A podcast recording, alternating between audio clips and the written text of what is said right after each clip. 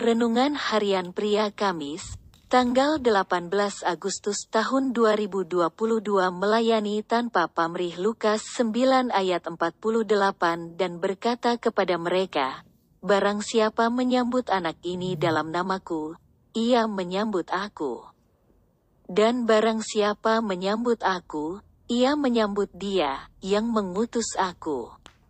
Karena yang terkecil di antara kamu sekalian, Dialah yang terbesar. Lalu Yesus mengatakan sebuah kebenaran kepada murid-muridnya yang sedang bertengkar untuk menjadi yang terbesar. Yaitu barang siapa yang menyambut seorang anak kecil dalam namanya, maka dialah yang terbesar di antara murid-muridnya. Kata menyambut itu mempunyai arti menerima dengan baik, merangkul dan melayani. Mengapa Yesus mengatakan bahwa orang yang menyambut seorang anak kecil akan menjadi yang terbesar? Karena melayani seorang anak kecil pasti tidak akan mendapatkan apa-apa, bahkan tidak mendapatkan ucapan terima kasih darinya. Itu artinya, siapa yang mau menjadi terbesar harus melayani tanpa pamrih. Yesus memakai gambaran melayani seorang anak kecil kepada murid-muridnya untuk menjelaskan rahasia menjadi yang terbesar, yaitu melayani dengan motivasi yang benar, yaitu melayani tanpa pamrih.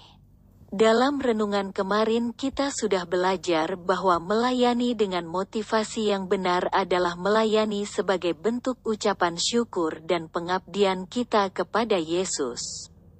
Hari ini kita juga belajar bahwa melayani dengan motivasi yang benar adalah melayani tanpa pamrih.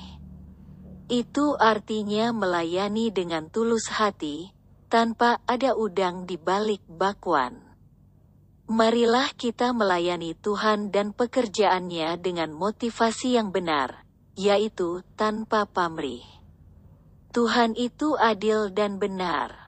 Ketika kita melayani dengan sikap hati tanpa pamrih, maka Tuhan akan membalas dengan berkat berkelimpahan.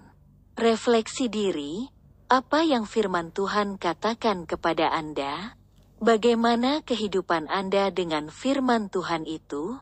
Catat komitmen Anda terhadap firman Tuhan itu. Doakan komitmen Anda itu. Pengakuan iman, dengan pertolongan Tuhan saya melayani Tuhan dan pekerjaannya dengan sikap yang benar, yaitu tanpa pamrih.